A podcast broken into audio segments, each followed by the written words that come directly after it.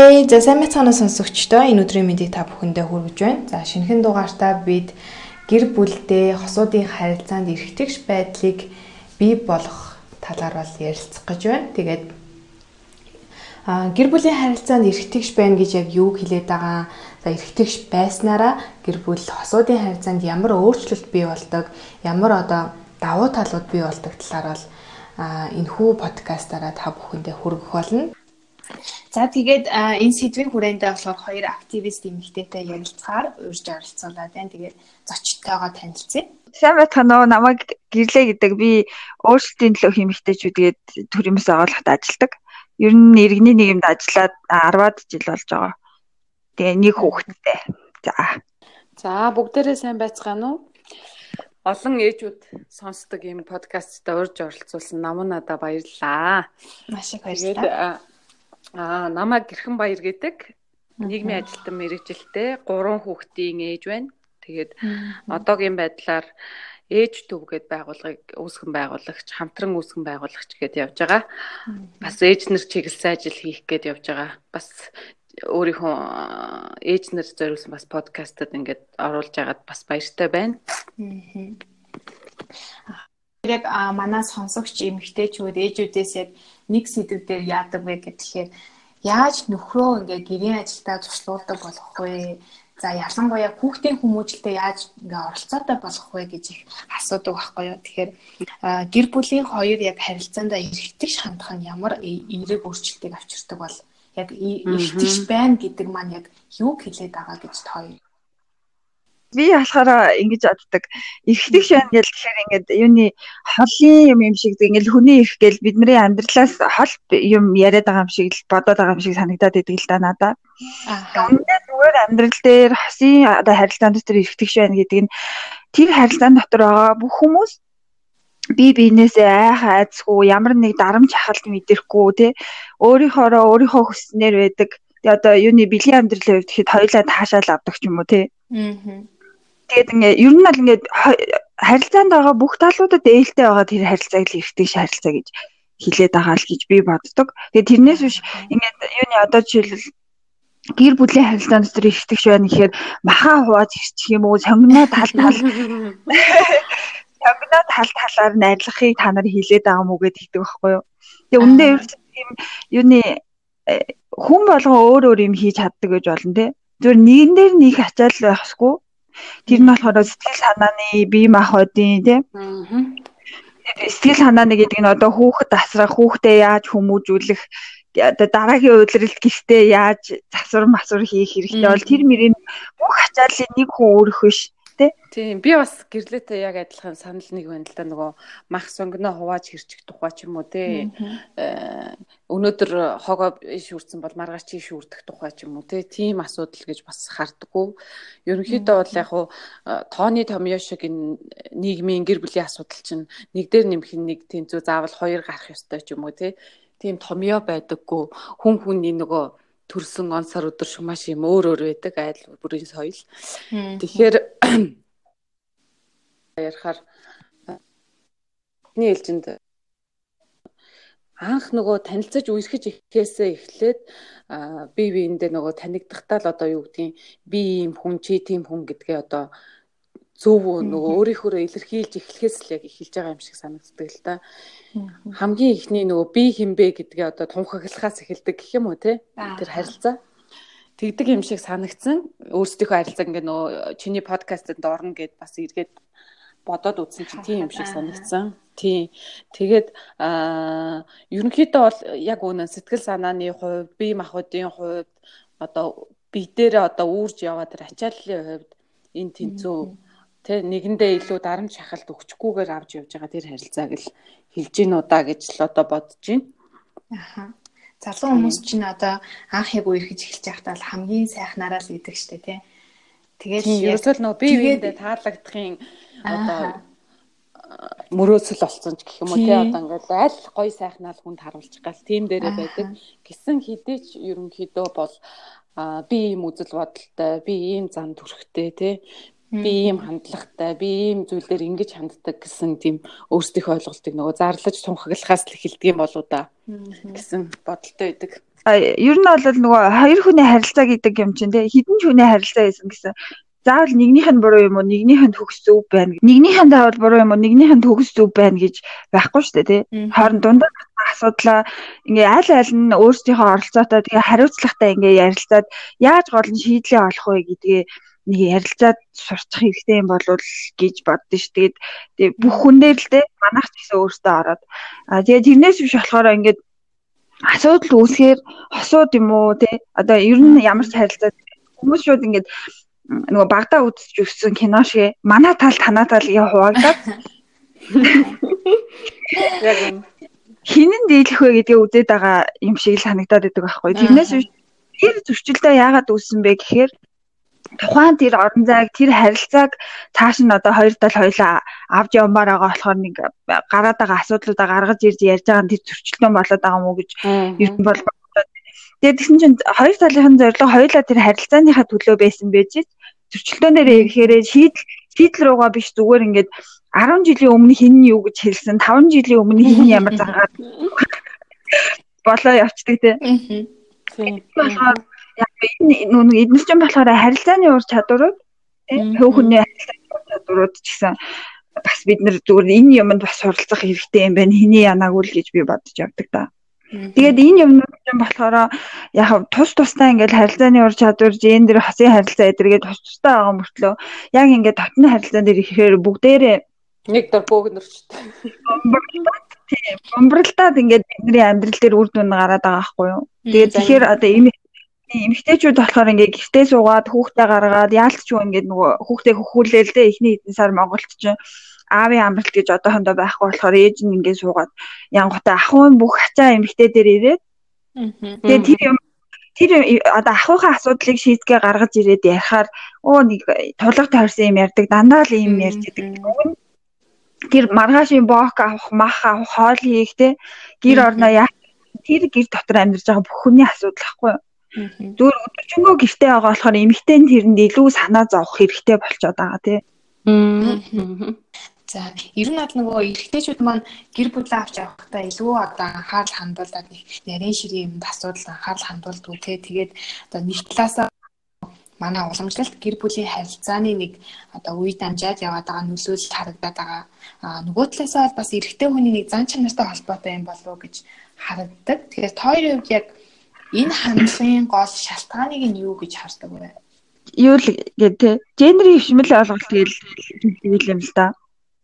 Гендерийн хвшмэл ойлголт гэж юу хэлээд байна гэхээр нийгэм дээрээ эрэгтэй хүн ийм байх хэвээр, эмэгтэй хүн ийм байх хэвээр гэдэг нэг нэг дүр бүтээгээд тэгээд хүн төрсөн хүнийг ийм л байх хэвээр гэд ингээ хүчээр нийгмээрээ тулгадаг. Тэгээ хэдий тийм хинэн ч тэр дүрдээ энэ нийгмийн нэг хэрэг хүнж тэр дүрд яг ингээ хүнийхээ хувьд нийт хэрэггүй тийм хөвшмөл хиймэл дүрийг бид нэр бүтээж бие биендээ тулгахыг гендерийн хөвшмөл ойлголт гэдэг юм л та. Тэгээ одоо ч нөгөө хүүхэд төрхөөр эрэгтэй хүүхэд төрхөөр цэнхэр үлийн аваад машин аваад буу аваад явал те. Ягаа үлийн аваад яв ягаан болгоод бантгтай мантгтай хүүхэлдээ мүхэлдээ тэгээд томроод ирээд юу вэ? Бүр сүулдэ тоос хорогч билетик милетгийг тоглоом заавал. Энэ мэтэр анханасаа ингээд нөгөө төрсөн хүүхэд идэх чи ямар гайхамшигтай ухаантай төрдөг үлээ те хүүхдээ бид нар ингээд багаас нь хайрцаглаад эхэлчихэж байгаа гэсэн үг байхгүй юу? Эрэгтэй хүүхдээ цэнхэр хайрцагт эмэгтэй хүүхдээ ягаа хайрцаг Эндээ хүн гэдэг чинь маш баялаг ертөнц те хинэн ч тэр хайрцагны хэлбэртэй хэмжээтэй биш байхгүй юу. Тэгээ энэ нөгөө хвшмэл ойлголтуудын нэг нь болохоор айлын нөхөр гэдэг нэг ойлголт биднэрт байгаа. Аа Монгол айлын нөхөр гэдэг. Монгол айлын нөхөр ямар байх вэ гэхээр юутай дуу цөөтэй ингээд гүндүүгөө сайхан Монгол ирэх өнөө. Гүндүүгөө сайхан тэр ахуйн жижиг сажиг юмд оролцохгүй Тэгээд өөр юу лээ. Хүүхэд мөхтэй хаяа нэг жинтэй үг хэлээ загнадаг магнадаг гэлтэй. Ийм нэг ойлголтыг бид нар Монгол айлын аав гэдэг одоо хөвшмөл ойлголт үүсгэчээд тэгээ бид нар бид нар ч одоо бидний дээд үеийн аавууд ч тийм байсан баг. Одоо манай үеийнхний нөхрүүд ч гэсэн тийм аавыг харж өсөөл тээ. Бид нар бүгдээрээ аав гэдэг хүн ийм л байд юм байна гэдэг хөвшмөл ойлголттой болохоор тийм байх гад бас юуны ингээ ухамсартайгаар бол ухамсаргүйгээр үзээд идэг юм шиг санагдаад байдаг аахгүй юу. Тэгээд тэр нөгөө нэг дүр дарах гэж амьдраад байгаа тий яг жинхнээсээ өөрөөр амьдрч чадахгүй байгаа гэсэн үг шүү дээ. Тэгээ энэ байдал нь бол хин хин хиндэн сөрөг нөлөөтэй байхгүй юу? Тий. Өөрийнхөө амьдрч чадахгүй нэг чинь стресстэй амьдрна. Тэгээ яг өөрийнхөө бодож хосно болсон хүнээс нь өөр хүн аа болсон ч гараад ирвэл хостоо бас стресстэй тий. Тэгээд энэ хоёрын дундаас хүүхдүүд төрсэн байхад аав ээжээ аль альны хариуцлага хайр халамжийн дунд амьдрах хэрэгтэй байсан чинь нэг хүнд нэг тийм күүлийг эсгээл гүндүүгүй юм байж байгаалаа хүүхдийн хүмүүжил төлөөлн тий. Тэгэхээр энэ гендер хвшил ойлголт хийдэг юм бол аль аль хүмүүст юутай сөрөг нөлөөтэй Тэгээд хүмүүс сөрөг нөлөөтэй юм чинь гэр оронд ч гэсэн тэгээд цаашлаад улс орнд ч гэсэн сөрөг нөлөө. Тийм тийм. Ерөнхийдөө ингээд гендерийн хөвшмөл ойлголт энэ төр гал нэг юм албаны юм уу бидний амьдралаас юм тасархай юм шиг үг ойлголт нэг тайлбарлаад байгаа юм шиг хэрнээ. Энд чи яг нөгөө ер нь бол хоёр хүүсийг хооронд нь хувааж агаад мөргөлдүүлж зодтолдуулах гэдэг тухайч биш юм л та тий. Эцээ эцэст одоо энэ хоёр хүүс байна уу? Одоо ямар төрлөөр өөрийгөө одоо мэдэрж байгаа аль хүүсэнд амьдарч байгаа хүмүүс байгаагаас үл хамааран хүмүүсийн хамтын амьдрал нэг юм зохистой юмны талаар л бид яриад байгаа байхгүй. Тийм тэгээд миний бодлоор бол яг учир шалтгааны нь би хэрвээ гэр бүл гэдэг ойлголтыг те нийгэм одоо буцад нөхцөл байдлаас ингээл яг ангид тусгаар тусгаарлаад ингээд таслаад бол маш олон зүйлийн хүчин зүйл харагдаж байгаа байхгүй юу? Гэр бүл одоо яг энэ байдалд нөлөөлж байгаа хүчин зүйлийг харах юм бол нэгдүгээр бол одоо энэ дээр соёл уламжлалын гэж чиний яг асуултан дээр гардаг шиг тий соёл уламжлалт ирсэн одоо ойлголтын нэг асуудал яваадах шиг байна. Хоёрдугаар цаг хугацааны нэг юм хүчин зүйл явж гин тий манай одоо улсаар одоо зах зээлийн нийгэмч хилжээд хэдэн жил болж гин тий бусад одоо энэ талаар нэлээд өндөр түвшинд хүрсэн улс орнууд ямар цаг хугацааг туулаад өнгөрцөн байна гэх мэтчлэн бид нар харах юм бол ийм нөлөөлж байгаа хүчин зүйлүүд бол их байгаа. А тэрнээс үл хамааран яг энэ хоёр хувь хүмүүсийнх нь одоо зан төрх юмн дээр бас ярих юм бол нөгөө яг энэ хоёр бодгалч нь өөрөө төрөхдөө ямар одоо үйлдлийн системтэй одоо зохион байгуулалттай төрсөн бэ гэдгээс хэлэх гээд байгаа байхгүй юу? Аа. Тийм. Тэгэхээр мэдээж тухайн одоо хүүсүүдийн өөр өөрсдийгөө илтгэсэн ийм сонирхолтой одоо бид нар чи ийм өгөгдөл шинж тэмдэгтээ ирсэн шүү дээ тий. Одоо эмэгтэй хүүс нь илүү одоо нарийн олон зүйлд одоо анхаарах чадвар өндөртэй байхад эрэгтэй хүүс нь нэг цул одоо гол асуудалд анхаарчаад бусдыг ингээ жоохон орхигдуулах гадаах тал гаргадаг ч гэдэг юм уу те энэ нь болохоор аль аль нь нэг тийм давуу сул талуудтай. Тэгээд одоо байгаль дэлхий бид нар одоо энэ хоёр одоо зүйл нийлэхээр л одоо ингээд төгс зохицол болдог юм шиг те тийм зохион байгуулалттай ийм л одоо одоо амьд бодгалууд гэж харах юм бол ингээд өөр өөрсдийн гэсэн юм онцлогтой зүйлсүүдийг бид нар юм нэг цул юм болгож харах гад байгаад асуудал байгаа юм л та. Тэгэхээр юу гэдгийг одоо хүмүүсийн эзэмсэж одоо мэрэгсэн мэрэгжил амьдарч ирсэн амьдралын соёлууд бол маш их өөр байгаа учраас энийг нэгтгэхэд мэдээж нэг шугамд оруулахад бол масар их одоо мэдээж хувь хүмүүсийн зүгээс төвчээр хатуучл те гэрэл зүтгэл тийм юмнууд гарна. Яг шалтгаан нөхцөл ярих юм бол ийм хид хідэн хүчин зүйл те хувь хүмүүсийн өөрсдийнх нь одоо юм онцлогуудыг яриад дээрэс нь одоо нийгэмшиж байх хугацаанд тэр хүн өөрөө ямар одоо зүйлсүүдийг суралцаад сая одоо төлөвшсөн байгаа юу гүй юу те гэр бүл болохдоо төлөвшсөн байсан уугүй юу гэдэг чинь айгүй өөр асуудал болоод явах гэдэг л та. Тий. Учир шалтгаан гэхээр бас тэгж харах хэрэгтэй юм шиг те. Аа. Тийм. Тэгээд гэрлэгийн хилдэг гендрийн хөвшмөл ойлголтыг бол зайлшгүй одоо энэ хоёр хүсийг ярьж байгаа юм чи ярих шаардлагатай. Тэгээд энэ бол ингээд аль нэг э, хүмүүсийг одоо ингээд өвөлгөхдөө биш те аль нэг хүмүүсийн одоо миний эрх чиний эрх гэж ярих гэдэг байгаа даач биш. Эцээ эцэд бол энэ хоёр хүмүүс одоо нийлээд хүн бүтээж байгаа тэр дунд одоо хүн бий болж байгаа. Бид нар цаашлаад нийгмийг бүтээж байгаа тий. Зөв зүйлийг одоо ингээд түгээж чадж гин үү чадахгүй байна уу? Эсвэл тэр нь асуудал болоод хүчирхийлэл болоо цаашаа буруудаад байна уу тухайл яриа болох юм шиг санагдаж байна л доо. За гурлаа болохоор яг нөгөө гэр бүлийн харилцаанд хэрэгтэгч байдал гэж яриад байгаа тухайлах юм бол за эхнэрүүд маань яг юу хүсдэг вэ гэхээр нөхрөө ингээл ойр зур юм хийгээд өгчихтэй гэрээ ажил тусалж явах тэгэл хүүхдүүдэд хараад өгчих ядаж нэг юм гэдэг шүү дээ. Тэгэхээр тооёрын хувьд бас яг өөрсдийн шинээс хуваалцууд нөхрөө яаж өөртөө ингээд тустай болгож ийсэн бэ? За гэр бүлтэй яаж эргэтгэж байдлыг ингээд бий болгож ийсэн туршлагаасаа хуваалцах. Би зөвөр нөгөө бодоод ингээд ахваа ингээд нөхрөө гэрийн ажил яаж оролцуулах вэ гэдэг тухай ярьж байгаа. Гэхдээ биш үү те. Ингээд гэрийн ажил гэдэг юм чинь анханасаа эмэгтэй хүний юм шүү дээ. Эхнэрийн юм шүү дээ.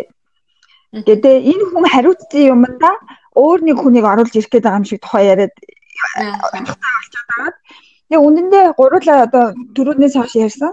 Энэ харилцаа гэдэг юм чинь энэ гэр орон гэдэг юм чинь хинээр ганцхан эхнэрийн юм уу? Тэр хүүхэд ганцхан эхнэрийн үгүй үстэй тий. Тэр хоёр хүн сайн дурын үндсэн дээр харилцан тохиролцоод нийл суусан тий. Тэр шалтгаан нь юу ч гэж бол гэтээ ямар ч байсан цуг амьдарч байгаа гэдэг чинь тэр хоёр хүн өөрсдөө ингэж байгаад байгаа гэсэн үг байгаа үстэй. Аа. Нөхцөлд бол тэр дундын харилцаандаа харилцаанаас гарч байгаа тэр одоо хийх ёстой ажлуудыг тэр харилцааны үүргүүдийг хоёулаа хүлээх ёстой гэсэн үг байхгүй юу?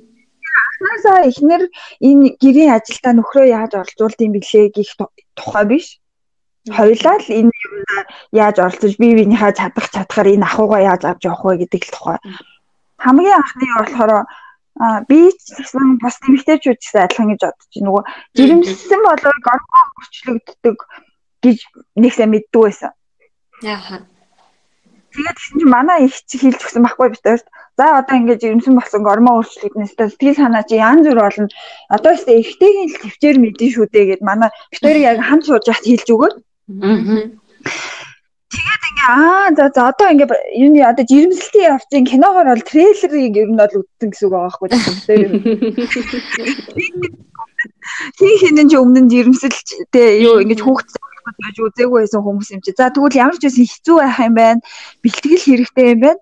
Эрэгтэй нэвчих юм байна гэдэг ийм ойлголтууд олж аваад тэгээд тэр жирэмсний 10 сарыг ер нь тэр ихчийнхаа хэлснээр ингээд юу яасан. Авсан. Тэгээ болохоор төрсний дараа би болохоор яасан бэ гэхээр нөгөө нэг манайхан ч ингэдэж штэ. Хүүхдийг аль ээж нөгөөрөө ээж нөгөөрөө уйлчлаа гэж хийдэж штэ. Хүүхэд уйлах болгон тэрнэ гэдэг чинь өстой ямар их ажил хэлээ те. Тэрийг өстой тэрийг хийж үн л мэдэх байхгүй. Тэгээ би болохоор би өөрөө юу хийсэн бэ гэхээр хүүхэд уйлахад заавал би тэрвэрэх албагүй. Зүгээр тэр хүүхдэд тэрвэрлэлт хэрэгтэй штэ те. Халуун юм би. Тэгээ тийм болохоор уйлахт нь хажууд нь байгаа гэрте байгаа хүмүүсээр ингээ ээлжлүүлж тэрвэрүүлэх. Тэгэл ингээл одоо тэр хүүхдийг тайвшруулах үүргийг би ганцаараа аваагүй хүүхдийг асарч ингэж тайлах үүргийг би ганцхан өөрийнхөө нуруунд дээр үрхийг хүсээгүй. Тэрийг ингэж шууд одоо жишээлбэл би хөхүүлээ гэхэд бид хоёр хөхүүлээс аахгүй. Аа. Юу бөөмө хөхүүлдэгсэн. Би хөхүүлээ гэхэд памперсын салхыг аав нь хийн тэ. Аа. Би өдөр нь ингээд асарсан бол шөнийн босхын тийч нэг 2 цаг тутам хөхдөг байсан манай хөхт ихлээд. Тэгээ 2 цаг тутам нэгдэг чи 24 цагт хэдэн удаа 6 юу? 12 удаа шүү дээ. Тэгээ тэр болгон би 12 удаа хөхүүлэн. Тэгээ нөгөө хөхүүлэхийн өмнө чинь заавал шөлөө уусан байна. Хөхүүлсний дараа хөхүүлэхийн өмнө нэг нэг аяг усуuna гэж тэр чинь амар ажилтай шүү дээ. Тэр нөгөө хийж байгаа болохоор памперсны сойл хөхүүлсний дараа босгож тэрвэрэхтэй. Тэр юмнуудыг болохоор аав нь хийдэг байсан байхгүй юу? Аа. Та тэгээд одоо яг энэ ажлуудаа ингээд хуваарлаад байна шүү дээ. Тэрийгээ өөрөө яг гардаад ингээд одоо ингэ чиг гэлээсэн үү эсвэл нөхөр нь ингээд санаачлахтай байсан уу? Тийм нэг болохоор юу яасан. Тухайн үед нь зүгээр анх ингээд барыг төрхөөс гарч ирэхтэй тохирсон. Би хөхүүлж авч аваарай. Тэгээд гэхдээ ер нь ингээд нэг хүний өөрийн нэг хандлага байна шүү дээ тий. Заавал аль ээж нь аваад аваад иргээ өөрөө ингээд яахгүй тайвшруул цаах уу чи тайвшруул чадна гэд. Энийг болохоор би яагаад хуваалцсан бэ гэхээр хүүхд гэдэг юм чинь ингээд хамт байгаад хүрээд ахаар бүр хайр хүрээд идэв шүү дээ. Аа тий. Тийм болохоор анханаас нь ингээ хүрлцүүлээд тэр аав хүүхэд хоёрын дунд тэр нэг хайр сэтгэл гэдэг юмыг үүсгэх нь чухал юм байна гэж би бодсон байхгүй. Тэгэл тийм болохоор аль болох тэр хоёр хүн бас хамт байх боломж олох гэж хичээсэн. Тэгэл манай хоёр гайгүй сайхан ачаалцаагаад. Тэгээд заавал ингээл манайхны гэхдээ ээжүүдийн буруу гэж байгаа юм биш шүү те. Бид бид нэр бүгдээрээ тэгж боддог байхгүй. Хүүхдийг ээж үүрэг гэж боддог болохоор уйлахаар аль ээж нүг ээж нүг гэл ямар амар заримдаа ингээл харахаар амар ядарсан хоол хийгээл хүн амт ирээл daйл цайлал. Тэгээ хүүхд нь уйлахаар алийг хүүхдээ ав хүүхдээ ав гэл те. Ээж хүн гэдэг чинь төвөр биш шүү дээ. Зүгээр тэн дээр нэг юм уян хатан бодоод үзчих юм хэрэгтэй юм шиг байна. Тэгээ яа гэвэл бид нар ингээл нөгөө нэг багасаа эхлээд ээж хүн гэдэг чинь гүргэр байдаг, төвчээртэй байдаг. Одоо амьдралыг нуруундаа үрдэг Монгол эмэгтэйчүүд минь энтергээд өвчин болохоор хашгирал харгаад банда ахууга өрүүлээд байгаа хэрэг байгаа. Ялангуяа тэгээд дуу муу их байдаг те тийм дуу. Тийм шүү. Тэгээд тийм болохоор тэрийг ингээд заавал ингээд хүчээр хуваарлаж гэтээ анханасаа ингээд зарчимтай хуваарлж сурах хэрэгтэй юм шиг. Гэтэ энэ юм болохоор хоёулахнаа гихтэй байхад бол амархан би биэндээ хайртай байл чиний үгийг сонсоо хаан хаан тгийгээд нэг рүү хараа бас хэцүү амар их цохилтонд орно. Төрөний нөгөө хөвшмөл ойлголтуудыг нэг юм бие биендээ тулгадаг гэдэг шиг хэрвээ ингээ ахуухаа үрийг хариуцлагыг тэнцүү хойдог айл ах юм бол оо энэ авгаада базуулсан. Ааха. гэдэг нэр авдаг тий. Тэгээд ингээд хоёр хүний хоорондын харилцааг яагаад заавал өөр хүмүүс дүгнээл тийм нэр хоч өгөөл заавал ингээл өөрийнхөө амьдралыг хичээж болохгүй хүний амьдрал дүгнэлт өгөхтэй юм бол гэж жоохон гайхчихл явтал тий бодно бид нар өөрсдөө энэ нийгмийн бүтээгдэхүүн юм чи анханасаа ингээл юуны генерийн хвшмэл ойлголтод баригдахгүйгээр амьдрах юм шүү гэж шууд төрөнгөтэй би мэдээж тэгэж бодож төрөөгөө те. Тэгээд сураад явсан да. Тийм. Хоёр ч гэсэн адилхан. Чи ерөнхийдөө яг хав миний нөгөө анх нөгөө найзалж ирэхээсээ эхлээд байгаа харилцаанаас л би эхэлж ярмаар санагдчихээн л та. Түрүүн би ярьжсэн те би хинбэ, юунд дуртай вэ? чи юунд дуртай вэ? Сайн муугийн тал дээрх чиний үзэл бодол, зөв буруугийн тал дээрх чиний үзэл бодол, гэр бүл хүндлэлийн талаар аав ээжигээ ачлах тухай тий. Ийм зүйлсийн талаарх одоо харилцан бидний одоо үзэл бодол юу юм бэ гэдгийг айгүйх ярилцсан л юм байна л да. Би одоо өөр дөрөө бодохоор мэддэг. Тийм. Тэгэхээр бит хоёрын нэг цаагаараа гэх юм одоо нэг юм амьдралыг үзэх үзэл философи бол айгүйх нэгдэжсэн. Ингээ хувь хүнийхээ зан дүрхийг харахаар айгүй асар өөр юм шиг хэрнээ. А манай дээр болохоор бит хоёрын тэр нэг амьдралыг үзэх үзэл хүүхдээ ингэж хүмүүжүүлэх юмсан, аав ээжигээ ингэх юмсан тий. Зөв буруу, сайн муугийн талаарх. Ер нь тэгэл байгаль орчин дэлхийн нийтгэл тий ярьж ирсэн бүх зүйлүүдээ бодох юм бол айгүйх асар их нийлэмжтэй санаг байсан юм байна гэж байна. Тэгээд тэрнээс цааш яг тэр дунд болохоор би өөрсдөө дээр харсан юм болохоор бид хоёр яг юм өөрсдөө л байж чадсан юм байна. Одоо ингээд хит их таалагдах гэж хичээгээгүй те одоо энэ найзалж байгаа залуу маань миний нөхөр болбол болно үст те юутаач би одоо ингээд надад бол нууж харах юм байна те Би нэг их тийм нүүр мүрээ сүртэж айгу будаж модж ийснэ санахгүй байгаа байхгүй. Аха. Тийм тэгэхээр анхнаасаа зүгээр хэрвээ одоо хүний хань ижил болох гэж байгаа бол Тэ ингээд миний одоо бүх төрлийн төрхийг бүх зан төрхийг одоо ингээд акцепт хийж гин үү гэдгийг би бас харна гэж өөрөө бодож явж исэн юм шиг байна. Тэр тийм тэр үедээ бол одооны энэ гендер ментрийн талаар ойлголт ч гэдэг юм уу те энэ ойлголтууд одоо бүгд одоо мэдээж мэдээлэл сургалт мэрэгжил янз бүрийн юмар лавгдсан байж таарна. Аа. Тийм тэр үедээ бол яг л тэгжил бодож исэн байна. Тэгээд харилцаад үерхэд найзлаад дараагийн шатанд гэр бүл болоод хамт амьдарч эхэлж байгаа юм. Тэгээд хамт амьдарч эхлэх зохион байгуулалтаа хүртэл наана нь ярьж байгаа байхгүй энэ хоёр хүн чинь. За бид нар ээж автайгаа амьдрах юм уу те тустай амьдрах юм уу? За болд баярах гэдэг айл байх юм байна. За энэ айл тэгвэл тустай амьдарцгаая те.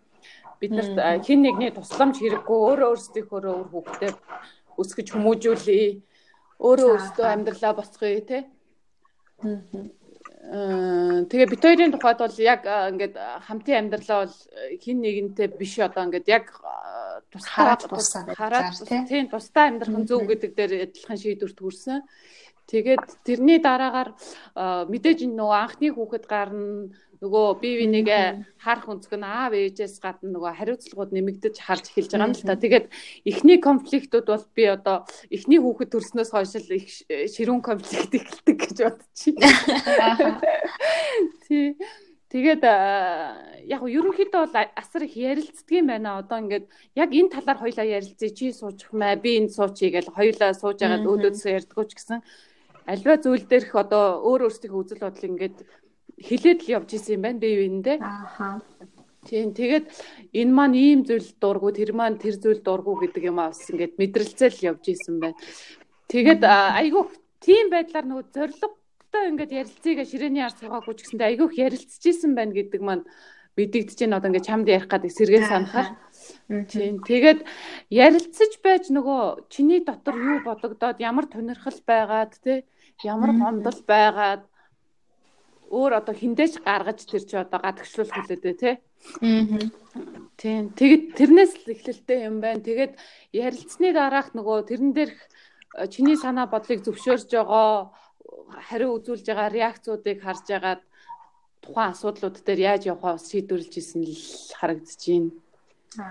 Тэгээд миний бодлоор бас э, хүүхдийн хүмүүжил э, ахын асуудал дээр ч гэсэндээ ер нь эрэгтэй эмэгтэй хүмүүс ингээд хамтраад хийжвэл амархан хүртэл хоёулаа зэрэг амраад сайхан л юм шиг санагддаг шүү дээ. Аха. Бид нар жишээлбэл Монгол улсад амьдарч байгаа үндсэн хууль гэдэг юм байгаа шүү дээ. Аа. Тэрнтэй адилхан ингээ айлуудад яг зарчмаа тохироод бүр ингээ бүх юм наривчл бичнэ гэсэн үг ш. Тэр ингээ зарчмаа тохирчвал зүгээр юм байна гэж би боддог аахгүй. Одоо тэгээд тэр нь жишээлбэл хоёулаа энэ харилцаанд ирдэг шүү тий. Тэгээ хоёулаа ирдэг шим бол хоёулаа адилхан бүх юмдаа хариуцлага хүлээн шүү гэдгээ ингээд тохирлгүйгээр л бид нэр пир пар гэл ер нь бол гэр бүлийн амьдралд орчоод байгаа. Ааха яг үнэ. Тийм. Заримдаа болохоор тим юм хэрэгтэй гэдгийг жишээлбэл мэдгүй ингээл явцын дунд нэрээ нэг тим юм байвал зүгээр юм байна гэл ойлгож ил авч ил байгаа юм л да. Тэгээд тэрийг мэдгүй юм гэсэн буруу муу гэж байгаа юм биш. Одоо зүгээр ер нь хоёулаа харилцаанд айлын нэг ерөнхий сайхан зарчимд хөрчүүл бас зүгээр юм байна гэж би бодсон шүү. Хүүхдийн хүмүүжил аав хүний оролцоо маш чухлаа гэл сүүлийн үед л их яригдж байгаа болохоос биш. Яг нөгөө чухал тийм Тийм уул нь бол маш чухал байтал. Ээжүүдийн л ажил байсаар ирсэн шүү дээ тий. Ер нь бол хүүхдийн хүмүүжилд эцэг хүн яаж нөлөөлдөг гэж та хоёр боддог вэ? За мөн одоо оролцоотой байх нь оролцоотой болгоход нь яах ёстой юм бол? Ааха хүүхдийн хүмүүжилж бай, гэрийн ахуйн асуудалж бай нөгөө ярьж тохиролцох юмн дээр л би ахаад ярих гэж байна л та тий. Ер нь бол өөрөө өөртөө нэг янзын гэр бүлд өссөн тэр хүмүүжил нь ингээд өөрсдийнх нь хүүхдүүд дээр хүмүүжүүлэх юм дээр гарч ирэх гээд идэг тал анзаардаг. Тэгсэн хэрнээ одоо энэ цаг орчин цаг үеийнх нь одоо хөгжлөөс бас хоцроочгүй нэг хүүхдийг бас тий авч явах гэдэг нэг тийм хоёр ойлголт яваад идэг байхгүй. Тэгээд өөрсдийнхөө хүмүүжлүүдийн хамгийн ололттой сайн тал нь юу байсан бэ гэдэг талаар бас э, ярьж хэлэлцэжсэн л юм байна. Тэгээ ингээд ингэж одоо жишээлбэл манай аавч хоёр бол намайг ерөнхийдөө нэг тийм зөнгөөр нь гэх юм уу нэг их ярьж хэлж ингэж яадаг төрлийн биш байсан байгаа хгүй би. Ойлголдог ингээд өөрөөр нь тавихаар энэ хүн өөрөө өөрөө юмаа сонгоод шийдвэр гаргаад ингээд явдаг төрлийн байсан болохоор тэр нь надад маш их зөв ажилласан. Тэгээд би болохоор хүүхдээ бас ерөнхийдөө э, хит их заа чиглүүлэхгүй гэсэн бодол миний тархинд байдаг мөртлөө. Айгүй их одоо энэ тархинд байгаа мэдээлэлээ асгах гад тий. Чи одоо ингэх хэрэгтэй тэгэх хэрэгтэй гэд хэлж ярьсан. Яг эсэргээрээ байцсан байт юм бэлээ. Аа. Айгүйх чиглүүлэх гээд ярих гад тэгээд том охин дээр л ав тиймэрхүү зам байдал их гарах гад өөрийгөө тэгэж анзаараад тэгэд яг манад гэр бүлийн тухайд хүүхдээ нөгөө төрүүлээд нэг 2 нас хүртэл эхлэх нь одоо арчилгаа нь миний их удирдлага манлайлалтаар явж байгаа байхгүй ерөнхийдөө. А тэрнээс цаашаа болохоор манай нөхөр илүүтэй нөө оролцоод аваад явцдаг гэх юм уу? Нэг юм өөртөө ярилцаагаа мөртлөө нэг тийм зохион байгуулалтанд орсон. Яг хомроод 3 2 3 хүрээд ирэхээр нөгөө аав цэцэрлэгт хүрэхээс л эхэлж байгаа юм л да тэд нэр илүү нөгөө найзлах харилцаа нь илүү их цаг хугацаа тэднэрт өгөгдөж байгаа байхгүй. Тийм тэгээд э, би тэгээд ямар сандаа нөгөө гадаа хүүхдүүд ингээ гаргаа сууж байгаа ээж нэртэй юу гэж ярьдаг вэ гэхээр а би нэг нэг хоёр нас хүргээл тавьчихдгийн. Тэгэхээр манай нөхөр аваад ингээд аваад явчихдгийн гэдэг шиг. Тэгээд хошин байдлаар тэгж хэл харин хуваарлсан аль нь илүү манлайлалтай байсан хугацаагаа харахаар тийм байлээ одоо э, нялх хүүхдтэр гэх юм бол би илүү л одоо удирдчил байгаа юм л да. практик дээр те одоо ингээд хүүхэд ингэдэг тэгдэг энийгээ ингээр ингэдэг чи одоо шүн босохоор өөрөө энийг ингээрээ тэгээрээ манай хүн нөгөө айгүйх нойртой. Шүн босоход айгүйх асуудалтай байдаг байхгүй. Тэгээд тэрийг би нөгөө анзаарч исэн болохоор нөгөө өдөр нь үүрэх нөгөө ачааллын арай жоохон ихсгээд. Тэгээд нөгөө өдөр өөртөө бас ундах цаг энэ төр гаргахын тулд манай хүн нөгөө хүүхдээ төрсэн цагаас нэхлээ гадаа гаргах ажил дээр аягүй сайн оролцдог. Одоо ямар сандаа нөгөө гадаа би хүүхдээ аваа гарахаар өө чи бүр байдгийм үү ингээд аав ингээд бай бай аваа гаргаа явж идэг гэж ярьдаг байхгүй. Тэгэхээр би болохоор тэрийг яг аав хүүхэд хоёр нөгөө ээнэг шиг дасах тэр хугацаа яг тийм үеуд дээр илүү гарч исэн байх гэж боддیں۔ Тэгээ нөгөө памперс энтрэ гэрлээ шиг одоо яг гоё бүр жижиг тэгж хуваарлж чадаагүй л дээ. Тэгтээ Тэгтээ яг ингээд хуваарлтыг харах юм бол ихэнх тохиолдолд манай нөхөр хүүхдүүдээ нөгөө байхад нь ингээд агаар салхинд гарах дээр нэг аваа гардаг. Орой ажилласаа тарж ирээд өглөө эртч гэдэг юм уу те. Тэр тал дээр нь илүү анхаарал өгдөг болохоор би арай жоохон илүү амралттай байсан юм байна гэж харж байна. Тий. Тэгээд а хүүхдээ яг хүмүүжил тал дээр гэдэг ихээр ерөнхийдөө бол нөгөө нэг юм амьдралын философиудаа ингээд нэгтгэж ийн ярилцж ийн гэдэг түрүү ярьжсэн шүү дээ. Яг тэрэн дээр ингээд харагдаж байгаа байхгүй юу? Ерөнхийдөө хүүхдтэй амьтанд хайртай байх, юмд хайртай байх, эд зүйлд хандах гэл те. Тэрийг тайлбарлаж ярихаас л эхлээд хоёулаа их ярилцдаг юм байна хүүхдүүдтэй. Тэгээ одоо нөгөө манай хүн өглөө нэгийн цэцэрлэг төгөргээд нэгийн сургуульд нь өрөх гэх ингээ хоёул ингээ аваа гарахтаа машин зам нөгөө төгжрэл дундах хугацаа бол тэр хэдийн хоорондоо бие биедээ гарах их гоё цаг хугацаа болж өгдөг байхгүй. Машинда одоо тэр хоёрт зориулсан CD заавал бичдэг те. Зориулсан нөгөө сургалтынх нь гол хэрэгсэл ах нь шүү дээ. Тэрэн дээр нөгөө гараа угаах тухай дуу мó те. Шинэ үг хэл сурах дуу бүх дуу хэрэгцээтэй дуу хичээл үлгэрүүдийг ингээ биччихдэг. Тэгээд Тэрийгээ ингээд сонсгоо явахаар хүүхдүүд нь нөгөө цэцэрлэгээсээ илүү баг машин сонссон сургалт нь илүү байдаг. Тэгээд э, энэ яг сургалт нь бас маш их үр дүнд нь одоо хүргэсэн нь манай хүүхэд нөгөө шинэ Монгол гэж сургуулийн эсэлт чинь 3 хоног явдаг байхгүй юу? Ааха. Тэгээ тэр эсэлтэнд ороод мянган хүүхэдтэй одоо ингээд яг эсэлтэнд орж исэн тухай үедээ тэгээд манай хүүхэд битээр нэг тусгайлсан тийм янз бүрийн багш магш авчиж хөлсөж бэлдээгүй.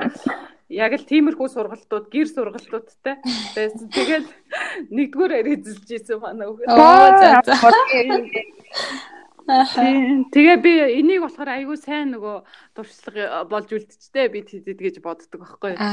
Яг аав ээж нь зэрэг оролцож одоо тэ хүүхдтэйг анхаарсны бас ач гавьяа яг тийм юмар харагдлаа да гэж бас бодсон.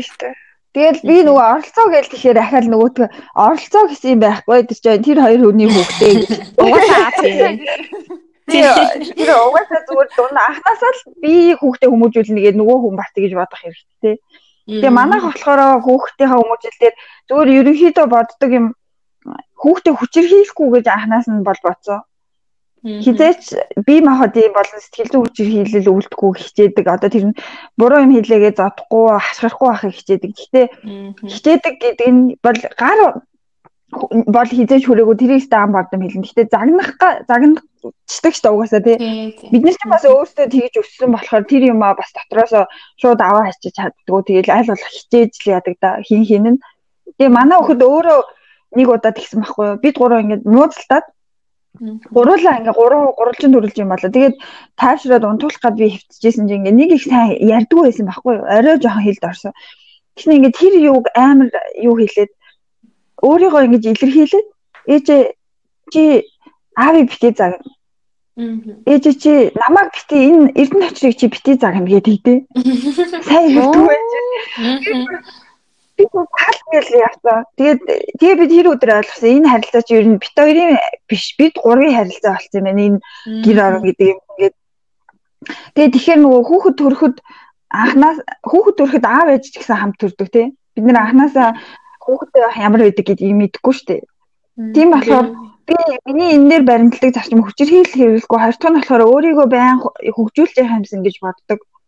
Тэгээ янз бүрийн юм гарангуут аль болох ингээд юуны юмнууд уншиж судлаа те энэ үед нь яах вэ энэ үед нь яах вэ гэд уншаа. Тэгээд тэрийг бас ингээд нөхөртөөгөө хамт уншаад хоёлаа.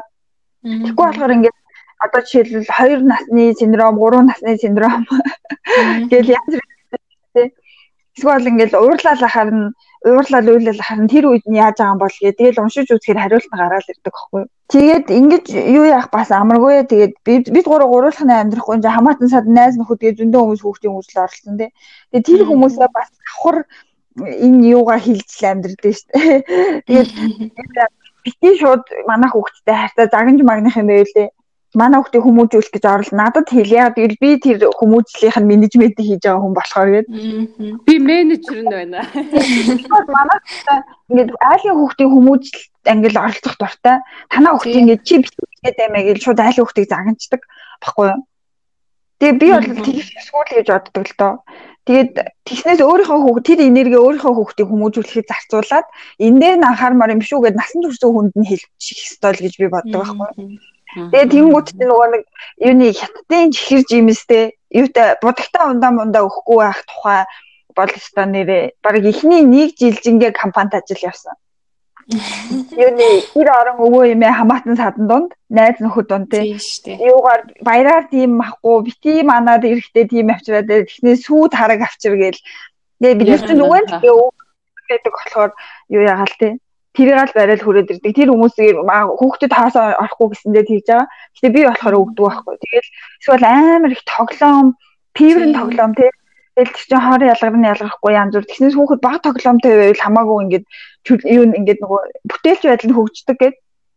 Тэр би болохоор ингээд тоглоомнуудын 3 хувааж нуугаад нэг нь гаргаж ингээд нэг нэг хэсгийг гаргаж өг. Тэгэхээр ингээд хүүхд анхны өдөр сонирхоод мартсан амиг хуваад гаргаад түр яг шинээр гаргаж ирж байгаа юм шиг баярлаа. Хоёр өдөр тоглоом мартаа. Тэгээд нь байж байж байгаа л хэдэн сарын дараа нөгөө ээлжийн гаргаж өгдөг ч юм уу тий. Би нэг тэгээд тийм л юм байна да. Тэгээд нөгөө хүчирхийллийн асуудал дээр ч юм болохоор би өөрөө зодохгүй загнахгүй гэж хичээж яхад өөр хүмүүс орж ирээд тийм үйлдэл хийн гэдэг бол байж болохгүй л гэж боддог. Цэцэрлэгийн багш байна уу хамаагүй байна уу тий. За тэр юуны гэхдээ Манайхан болохоор цэцэрлэгийн багшд хандж байгаа хандлага нь юу яадаг хүүхдээ авангуудаа ингэдэг гинэ. Өнөөдөр багш нь зодсон уу гэдэг гинэ. Шууд асуудаг тийм. Юу сурсан бэ гэж асуу асуувал тэр хүүхд чи юу үздэй.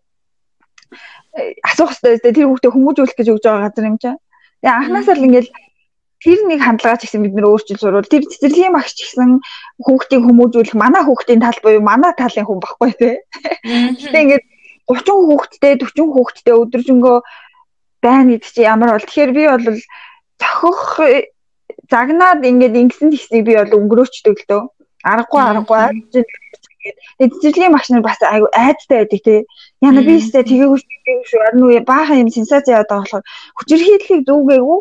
Гэтэ ингээд бид нэр хандлага нь анханасаа тэр хүнийг шүүсэн юм шиг байхаар бүр ингээд айдтай болгоцсон тэр харилцаа бас надад хэцүү санагдав. Тэгээ тийм болохоор бас нэг юу болохоор хөвгүүд дээр нөгөө тамхилна гэдэг асуудал өгдөө штэ. Аа тий. За тэрэн дээр бол та нэрээ за энэ жилээс л гайгүй болж шүү. 3 жилийн компанид ажиллаа өрдөг. Наа чи бэлгийн хаалга бэлгийн хаалга би шууд тэр үгээр нь хэлцдэг байхгүй юу? Тэгж болохгүй энэ хүүхдийн сэтгэл зүйн нөлөөлөл нь наа чи хүний хувийн орон зай тэгж болохгүй гэд. Тэгээ хэлээ тэгээ эхэндээ ингээл хүмүүс сэрцгээл амар сонин хүлээж авдаг авдаг л да. Тэгээ би хүүхдээ тэгээ янз бүрийн бидэн янз бүрийн хүн халдсан дурсамжтай өсөгмөөргүй шүү дээ. Тэгэхээр хүний бэлгийн эрхийг халдлага юм чинь. Тэгээд тийм болохоор тэрэн дээр бас анхаардаг. Тэгээд нөгөө өөрийгөө хөгжүүлэх гэдэг дээр энэ юмнуудыг би анханасаа мэддэг болоо төрөөгүй. Хүүхдээ өсөөд янз бүрийн ааштай гаргаад эсвэл янз бүрийн нөхцөл байдал болохоор яах вэ яах вэ гэл тэр дор нь уншаад судлаад тэгжил байхыг хичээдэг дээ. Тэгээд манад ч юм болохоор гой гой номнууд бас орчуулагдсан байгаа шүү дээ. Аав ээж юм уу хасран хамгаалагч өөрөө бол тэр өөрийгөө хөгжүүлэх гэж би боддог байхгүй юу. Ааха.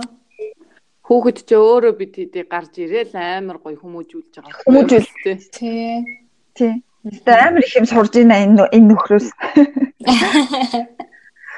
Харилцааны айгүй гоё гоё юм зааж өгдөг ш түүхтүүдтэй өөрсдөө.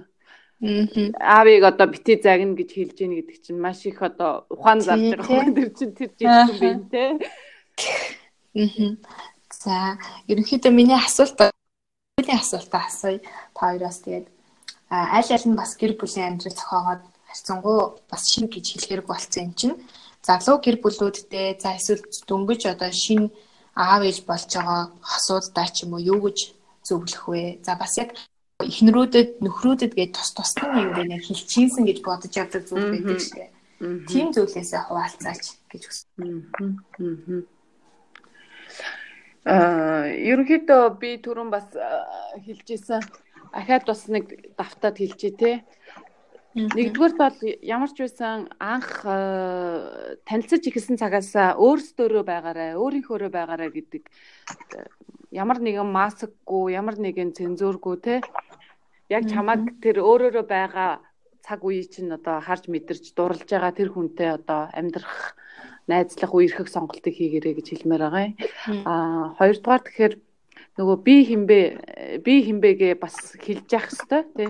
Чамаас ингээд асуухгүй юм уу эсвэл яахгүй л бол одоо альва юм дээр яаж хандж байгаа гэдгээ хүн хэлж ярьж явах хэвээр юм байна. Одоо тэрний үр дагавраар бас ингээд дараа нь гарах зүр хурц хурц зөрчлөөс одоо энэ нь сэргийлэх юм болов уу гэж миний хувьд бол бодож байна. Аа гуравдугаар тэгэхээр хичнээн одоо бид нар гэр бүл байсан ч гэсэндээ те энэ маань бол одоо би даасан өөрийн гэсэн онцлогтой хувь хүн юм гэдгийг битгий мартаж байгаарэ. Э гэдгийг бас хэлмээр байгаа юм л да. Нөгөө бид нар чинь гэр бүл аав ээж аав ээж гэж айгүйх бие биендээ ингээд хариуцлага өөрүүлчихэд байгаа хэрнээ. Яг энэ маань өөрөө одоо сүүлийн үед тийм ээ ойрын үед хүсэж дурлж байгаа юм а хийж чадж байгаа болов уу үгүй болов уу гэдгийг дээр нь санаа тавиад асуултуудад л тэр бол халамжаар хайраар илэрхийлэгдэж цаад хүнд очдөг л доо. Тэгэхээр бас өөрт нь анхаарж байгаа шүү. Чи бас өөрийнхөө хүсэл сонирхлоо бас энэний хажуугаар бас авч явахыг хичээгээрээ би бас туслахыг хичээж байгаа гэдэг талаас харуулж явах нь бас бие биедээ өгж байгаа бас хайр сэтгэл юм да тий. За дараагийн дугаар болохоор ерөнхийдөө бүх зүйл ямар нэгэн одоо асуудал шийдвэрийн буруу байлаа гэхэд тэр зүйлд бол дан гад тэр хүний буруу байдаггүй те танаа та хоёрын хамтын шийдвэр байдаг, хамтын үйлдэл байдаг. Эцсийн эцэд одоо үр дүнгээр нь харах юм бол багаараар хэрхэн ажилласан бэ тухай болчдөг гэхгүй.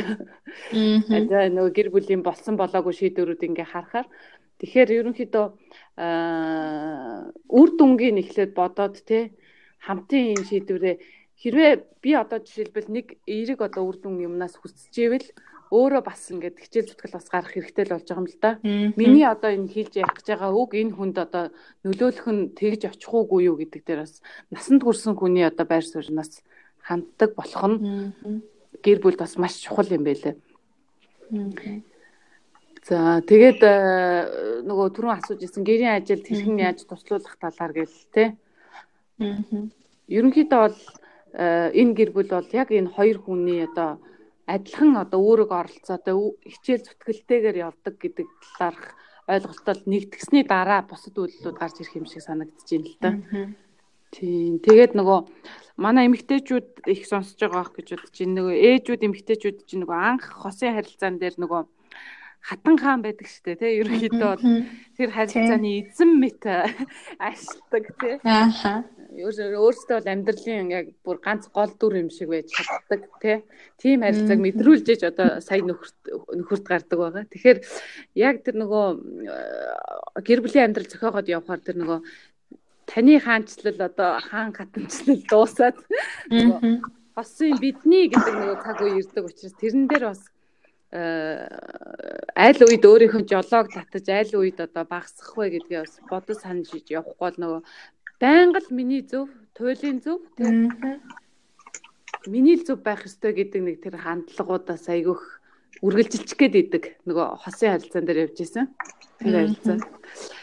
Тийм. Тэгэхээр ерөнхийдөө бол альва зүйл дээр одоо энэ бүгдийг дүгнэж хэлэх юм бол насанд хүрсэн хүний хандлагаар хандах хэрэгтэй юм байна лээ. Ер нь бол аа хэдийгээр бид нар бүрэн гүйцэд одоо төлөвшсөн болсон гэсэн хугацаанд гэр бүл зохиосон зохиогоогүй янз бүр байдаг боловч те нэгэнд одоо гэр бүлийн амьдрал эхэлсэн үр хөвгөд гаргацсан бол одоо тэрэнд суралцаж насанд хүрсэн хүн шиг асуудалд хандах шаардлагатай болчихж байгаа юм л да. Ааха. Тийм тэгээд зөвлөгөө байж чадж гин үү эсвэл одоо миний амьдралын туршлага болч уу ерөнхийдөө ямар ч байсан нэг ийм зүйлсүүдийг бол би мэдэрснээ л одоо хэлж ярьж чадах юм байна. Би болохоор нэг ийм түүх би ярих дуртай. Нэг гадраас сонссон гэхдээ нэг айл хоёр хий Тэгээ салах гад билээ сэтгэлзүйчдэр авчих юм л. Виктор яг ингэж салах нэ гэдгсэн чинь. За тэгвэл би одоо яах уу гэхээр за одоо би тайлбар нэг юм үгүй. Тэгээ энэ имийг хэрэлдээд хэрэлдэхэд ингээд уурчин хүрээд ирэхээр уугаад байгаарай. Тэгээ шингээ ийм өгсөн. Гэтэ энэ имийг юу яаж болохгүй хүүтнэр нь ууж болтгоо амандаа ингээ баглагаад бүлээсэж байгаа дуудаг юм шүү гэдэг үгс гинэ. Тэгээ нөгөө хаа Тэгээ сарын дараа буцаад ирээд энэ ч манай энд дуусчлаа. Дахиад ийм авъя гэдгсэн. Гинэ. Яасан таарыг нөгөө салах гэдээсээ яасан гэсэн. Тэр өстө хайрлаа аягүй сайн хамбалцаа. Одоо харин тэгээд энэ дуусгаад бүр айгаад байна. Имээ дуусчаар яах вэ гэдгсэн гэсэн байна л да. Тэгээд нөгөө юм чинь миний таарт өгсөн юм чинь ийм биш байсан. Зүгээр ус байсан байхгүй юу гэд. Гэсэн гинэ. Юу гэж зөрчилтөнд тохиолдоход шууд дүрсгээд те тэр уураа ингээд би биенийхээ насаараа хамт амьдрахаар сонгосон бол би биенийхээ зүрхийг зүсэх те тийм үйлдэл ааш аваар гаргахаас өмнө жоохон бие бариад сурахад хэрэгтэй асуудал юм шиг л. Нөгөө нэг цууж уурал цогтой инээ гэдэг лөө. Аа. Тий. Сурах сурахад хэрэгтэй юм шиг байна тий. Тэгээ энд хүүхэд дуртай өөрөө ч гэсэн сурах юмсан гэж боддог. Яг оролцоод ирэхдээ за таарж ирж байгаа юм. Тэгээ тэрнээс биш энэ бол зөрчилдөөнийг муу гэж хэлээгүй уурлахыг буруу гэж хэлээгүй шүү те. Хүнд уур уур байлгүй яа. Тэгээ тэрийгээ би биэндээ чиний энэ үйлдэл чинь надад ийм мэдрэмж тэгтэл төрүүлээ дараа нь ийм байг зүгээр байна гэд нөгөө би өгүүлэмжгээ хэлдэг штэ. Тэрийг ингэж ашиглаж сэтгэлээ нээж сурах хэрэгтэй юм болов уу гэж боддог. Тэгээд юу дээр болохоор хэлэх үгдээр хэлэх үг. Юу нөгөө эмгтээчтэй ирэхин төлөө ажилладаг хүн болохоор янз өөрийн хүмүүстэй уулздаг тийм. Тэгээ бидний зүгээр хамгийн л том тохиолдож байгаа юм бүгдээрээ ингээл дуугаар байгаад байгаа юм шиг л санагддаг. Тэгээд нөгөө нэг тохиолдож байгаа асуудлаа зовлон ганцхан миний зовлон намайг сонсох хүн байхгүй гэж одоо эсвэл ярих хэрэгтэй гэж боддгоо тий. Тэгээ үнэндээ бид нар тохиолдож байгаа асуудлууд бол нэг хүний зовлон биш нийгмийн асуудал тэр юуны төрхийн дараа төрсний дараа сэтгэл зүйн готрол гэдэг чинь бүх юм ихтэй тохиолдно. А тэгээ бүр юуны төрхийн өмнөх тэр гормоны өөрчлөлтүүд байна тий. Эсвэл хүүхдээ төрүүлээд сууж байгаа асуудал ажилдаа явахгүй байгаа. Эсвэл ажил нь нийгмийн даатгалын шимтгэлийг төлөхгүй байгаа ч юм уу тий. Бид нар бол юуны амьдралын давтам биш нийгмийн асуудлууд шүү. Тэгээд нөгөө харилцаанд байгаа юм чинь нөгөө хүн чинь хэрвээ наад харилцаа чинь өөрт чинь тухгүй санагдаж байгаа ямар нэг дарамт байгаа тий тэрийн сэтгэл санааны гэж болно хардаж зовоод гарахгүй гэж болно эсвэл бүр бие махбодын хүчээр хийлэл гэж болно тий эсвэл эдийн засгийн итгэн төгрөг бараг нөгөө хүүхдийн 40 мянгаараа сардаа амьдрал амьдралаа болгоод тэрэндээ памперс аваад орон гэрийнхээ амийг зохицуулах гад хичээж байгаа. Тэгээд тэгсэн мөртлөө хоёулаа амьдарч байгаа нэртэй. Нөгөө хүн ажил хийж байгаа нэг энэ юмнууд бол ганцхан хүн тохиолж байгаа зовлон биш шүү. Нийгмийн асуудал шүү. Тийм болохоор тохиолж байгаа юмнуудаа гаргаж ярьж байгаарай. Тэгээд хандах байгууллагт нь тий хүчирхийллийн эсрэг үндэсний төв байна. Төрийн орлогч гэсэн юуны төрийн хийх ёстой ажлыг хийж ажилладаг байгууллага тий. Эсвэл бол нөгөө хүчирхийлэл мэдээлэх утас яваа шүү дээ. Тэр чинь одоо нөгөө сэтгэл зүйн зөвлөгөө өнгөө өгдөг болсон гэсэн. Тийшээ хандах. Энэ юмнууд чухал гэж би боддог. Тэгээ яа гэвэл ярьж чадахгүй ингээл заваал байгаа тэгээ тэр сэтгэл зүйн стресс гэдэг чинь тэр гэр бүл нөлөөлнө хүүхдийн хүмүүжил тас нөлөөлнө тийм эрэгтэйчүүдэд болохоор анхаарах юм тэр сонгоод тийм энэ харилцаанд ингээ хоёулаа хоёр талаасаа бүтээж байгаа харилцаанд хариуцлагатай байх. Тэгээ нөгөө талаа хүндэтгэлтэй байх. Тэр хүнийхээ үг хэлж байгаа үг хэлгээд байгаа байр суурийг чухал гэж бодож сонсдог байх. Ач холбогдол өгдөг байх тийм Тэгвэл бол мөнгөний авчраа нөгөө хүн гэртээ суугаад өдөржин шүнжин байсаар байгаа сүүлдээ нэг үн хүндгүүч юм шиг болсон харилцаанууд байдаг штеп. Аа. Тэгээд тэр хүн яагаад тэнд байгаа таны хүүхдийг хараад гэр орны чинь цэвэрлээ суугаад байгаа билээ гэдгийг бас нэг ахиж бодох хэрэгтэй гэж юм яа тий гэж бод. Мөнгөний авчирж ийн гэдэг чинь тэр хүнийг э, хүснээр үйлчлүүлж болно гэсэн үг биш байхгүй юу? Тэгээд сууж байгаа шалтгаан чинь дундаа байгаа тэр харилцаанаас төрсөн хүүхдээ өсөхгүй байж байгаа шүү дээ. Ер нь бол хамгийн том ажлыг хийж байгаа. Тэгээ тийм болохоор тэгээ хүндэтгэлтэй байх. Тэгээд энэ нөгөө хүндэтгэн гэдэг нь бэлгийн амьдрал дээр ч гэсэн адилхан. Тэгээ хоёр тал хоёулаа таашаал авдаг. Юу сэтгэл хангалуун бэлгийн амьдралдаа сэтгэл хангалуун байх нь чухал. Тэгээд тэгээд нөгөө юуны дараагийн юм нь болохоор ихтэйч байсан эмхтэйч байсан айл айл нь нөгөө дэмжих орчин гэдгийг би амар чухал гэж боддог байхгүй юу? Одоо ээж эмхтэйд нь үйл ээж найзууд, эхтэйд нь үйл аав найзууд тий. Ингээд ягаад хамт ингээд ингэх хэрэгтэй мэлээ тех хэрэгтэй мэлээгээ туршлага хуваалцаад гэртээ туршаад буцаж ирээд ахаа гоё туршлага хуваалцаад ингээд хамт хамт хөгжөө явдаг юм найзууд гэр бүлийн найзууд гэдэг нь шүү дээ манай хамтж байгаа. Тийм. Би нэг хөгжүүлэх тэр гоё ээлтэй харилцан гэр гэртээ гоё ээлтэй харилцаа үүсгэх бас үүсгэхийн төлөө байвал бас гоё тий. Гоё туршлага хуваалцдаг дэмжих орчин би чухал гэж боддог. Тэгээд энэ дээр болохоор залуу ялангуяа гэр бүлүүдэд хадмуудын нөлөө амар их байдаг тий. Аа. Тэгээ хадмуудын нөлөөг бас ярьж явахгүй бол ингээ өрөөнд доторх заан гэдэг шиг яалтчгүй гэрт нөлөөлөд байдаг. Тэгээд тэр нь тэгсэн мөртлөө ярихгүй бас байгаад байгаа юм шиг санагддаг байхгүй. Тэгэхээр бас анханасаа нөгөө нэг юу харилцаагаа тогтоохдоо тохироод аль хүртэл одоо хувь хүнд ч орон зай гэж байгаа шүү дээ тий хувь хүний хил хязгаар баундри гэдэг тэгдэг тэрнтэй адилхан гэрус олгом ч гэсэн тэр хил хязгаар байгаа гэж бас бодож явах тий аль аль асуудалдаа хадмын талыг найз нөхдүүдийг хэр их хэмжээгээр оруулах вэ гэдгээ тэр хоёр хүн ингээд хилээ татах хэрэгтэй юм шиг санагддаг байхгүй. Ингээд жоохон оролдох гээд ирэх нь аа за би жаараа жаараа энийг битээр өөртөө мэдчихээ. Гэхдээ заавал ингээд хатуугаар өөрөөр ингээд хилээ тахаар тэр хил хязгаар нь бүр л сайн тогтох болов уу гэж бодож байна. Аа. Тэгээд дараагийн юм нь болохоор хоёр тал нь аль аль нь өөрөө өөртөө цаг гаргах нөгөө ми тайм гэдэг байгаа шүү дээ. Би бас чухал гэж боддог байхгүй юу? Дуртай юм аа хийх, хоббиндөө цаг зарцуулах, өөртөө цаг зарцуулах тий. Тэгээ ми тайм авж ийн өдөржин шүнжин шоудад яваад юм гэсэн үг. болгоо шоуд яваад юм гэсэн үг шүү дээ. Тэгээд өөртөө ми тайм өөр өөрөө өөртөө цаг гаргах. Тэгээд тэрнээс гадна бит хоёр болохоор ярихдаа хайрын модоо устгах гэж нийлэлтэй. Аа. Тэр хайрын модоо бас устгах чухал тий. Тэр яг одоо хүүхэдгүйгээр хоёулаа хоёулахнаа цагаа өнгөрөх.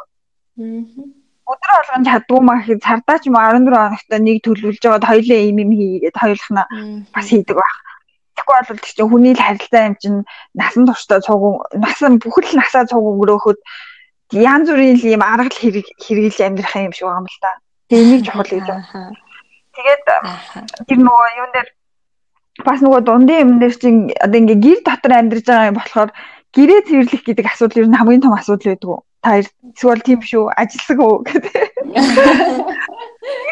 Ирэх болохоор амар том асуудал байгаа гэдэг тий. Тэснэ ингээд бүгдээ хараа сууж байгаа хүний нуруунд дээр байгаа. Тэснэ гаднаас орж иж байгаа хүн хүүшээ энэ гэр орноо яасан юм бэ гэл тий. Тэрхэн гэр гэдэг юм яагаад бидний сэтгэл санааны сэтгэл хангалуун хүндэтгэлтэй харилцаанаас чухал байд юм бол би гайхдаг байхгүй юу? Гэрээ цэвэрлэх чухал гэж чухал гэж бодож байгаа бол тэр хүнийг тэрийг хийчих тий. Тэгээд цэвэрлээгүй хандах бол тэрийг тэгэл тийм том асуудал болгоод хэрүүл шуугааны эхлэл бас болохгүй л байл зүгээр юм шиг санагддаг шүү. Тэгээд энэ цэвэрхэн гэр гэдгийг манайхан яг хуу цэвэрхэн гэртэй байхыг би буруу гээгүү шүү. Ажиллаг хүмүүс тэгэл тэрийг хийгээл амьддаг зөндөл хүмүүс байгаа. Амжихгүй байгаа бол тэрийг заавал нэгнийхээ буруу болгоод тэ хэрүүл шуугааны эхлэл бол шаардлагагүй гэж боддог байхгүй. Тэгээ гаднаас орж ирсэн хүмүүс бас амар их хэмнэлдэг тэ.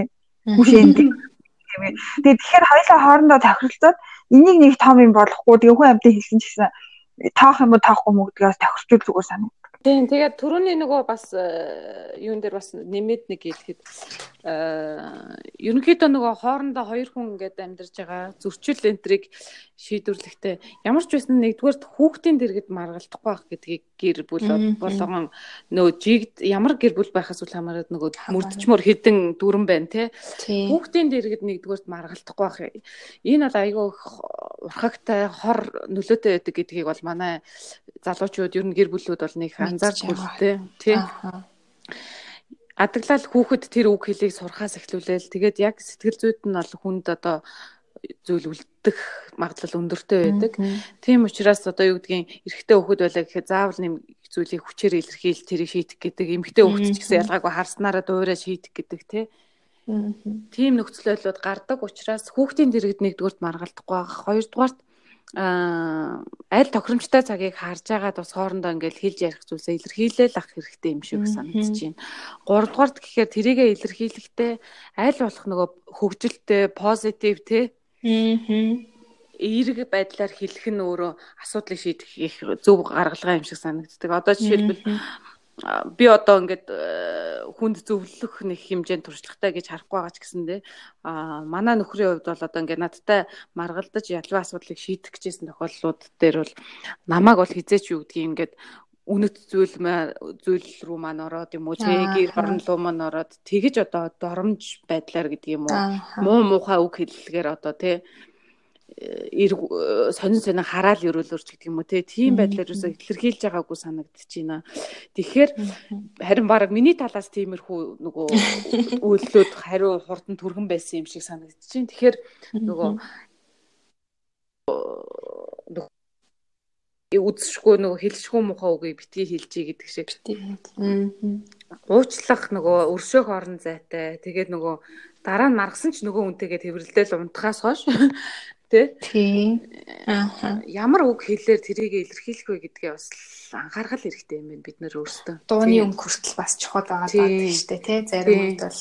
Тийм хөгжилтэй тэр хошин байдал бол манайдаас их зөв шийдэж авчирдаг л та. Одоо ингээд нэг нь одоо уурлаа тунирхсан байлаа гэхээр э, ярихгүй ч гэсэн тэг биеэрээ очиод ингээд шүргээд ах ч юм уу те. Аа тийм. ингээд шийддэг баггүй юу. Хаж изээлээ. Шийдэж мэддэгдэл айгу нөгөө гжигдүүлэх дургуун хүн байлаа. Тэгээ тэр нь болохоор ингээд би чамааг анхаарж байна. Би чамаас жоох уучлал гуйгаад байна гэсэн би юм да те. Тэгээ тийм хошин мошин байдлаар бас тэрийг явс шийдээд цаад үн чи яавал инээд нь хүрдэг үйлдэлүүдийг хийвэл бас гоё зөв шийдэл болох юм уу тий? Тийм. За за. Хоёр зочиндоо маш их баярлалаа. Миний урилгыг хүлээж авч цагаасаа хомслон байж ярилцсан. За оролцуулсанд их баярлалаа. Тэгээд юуны болохоор эмгтээчүүд ирэхээр ажилладаг болохоор ингээл чатны араас юм уу уцаар дандаа найзуудтайгаа ярьдаг яриануудаа ингээд нэг дор чанж чухал юм байна гэж би бодсон. Тэгээд төрсний дараа эмэгтэйчүүд би бинийг ойлгоод илүү их ойлгодог тий. Хүн үсгний ямар чухал юм бэ болохоор би тэр ив санааны нийлэлтэй байх тий. Хоорондоо асуудал сайхан юм аа, хэцүү юм аа хуваалцах гоё орон зай гэж бодож байна. Тэгээ ийм сайхан юу урьж оролцуулсанд баярлалаа би ч гэсэн баярлалаа нөгөө ээжүүдийн асуудлыг судлаад ээжүүдэд зориулсан ажил хийх гээд ингээд явж байгаа яг ийм цаг үе дээр бас тааралдаад хэдүүлээ уулзж байгаа учраас маш их баяртай байна. Тэгээд цаашдаа бас холбоо харилцаатай бай. подкастыг хөгжүүлэхэд бас одоо ээж нар те өөр чаддаг мэддэг ээж нар те ямар ээжүүд бодит туршлагатай ээж нарыг холбож өгөхөд миний хувьд бол бэлэн байна. Аа Тийм. Тэгээд хүнд бас нэг их хэрэгтэй яриа ярьж чадуу да гэж жоох имиж ин. Зүгээрээ. За за ингээд сонсогчд маань бас маш чухал сэдвээр хэрэгтэй мэдээлэл авч чадсан гэж найдаж байна. Тэгээд энэ удаагийн дугаараа ингээд өндөрлөе. Хоёртаа маш их баярлалаа. Баярлалаа.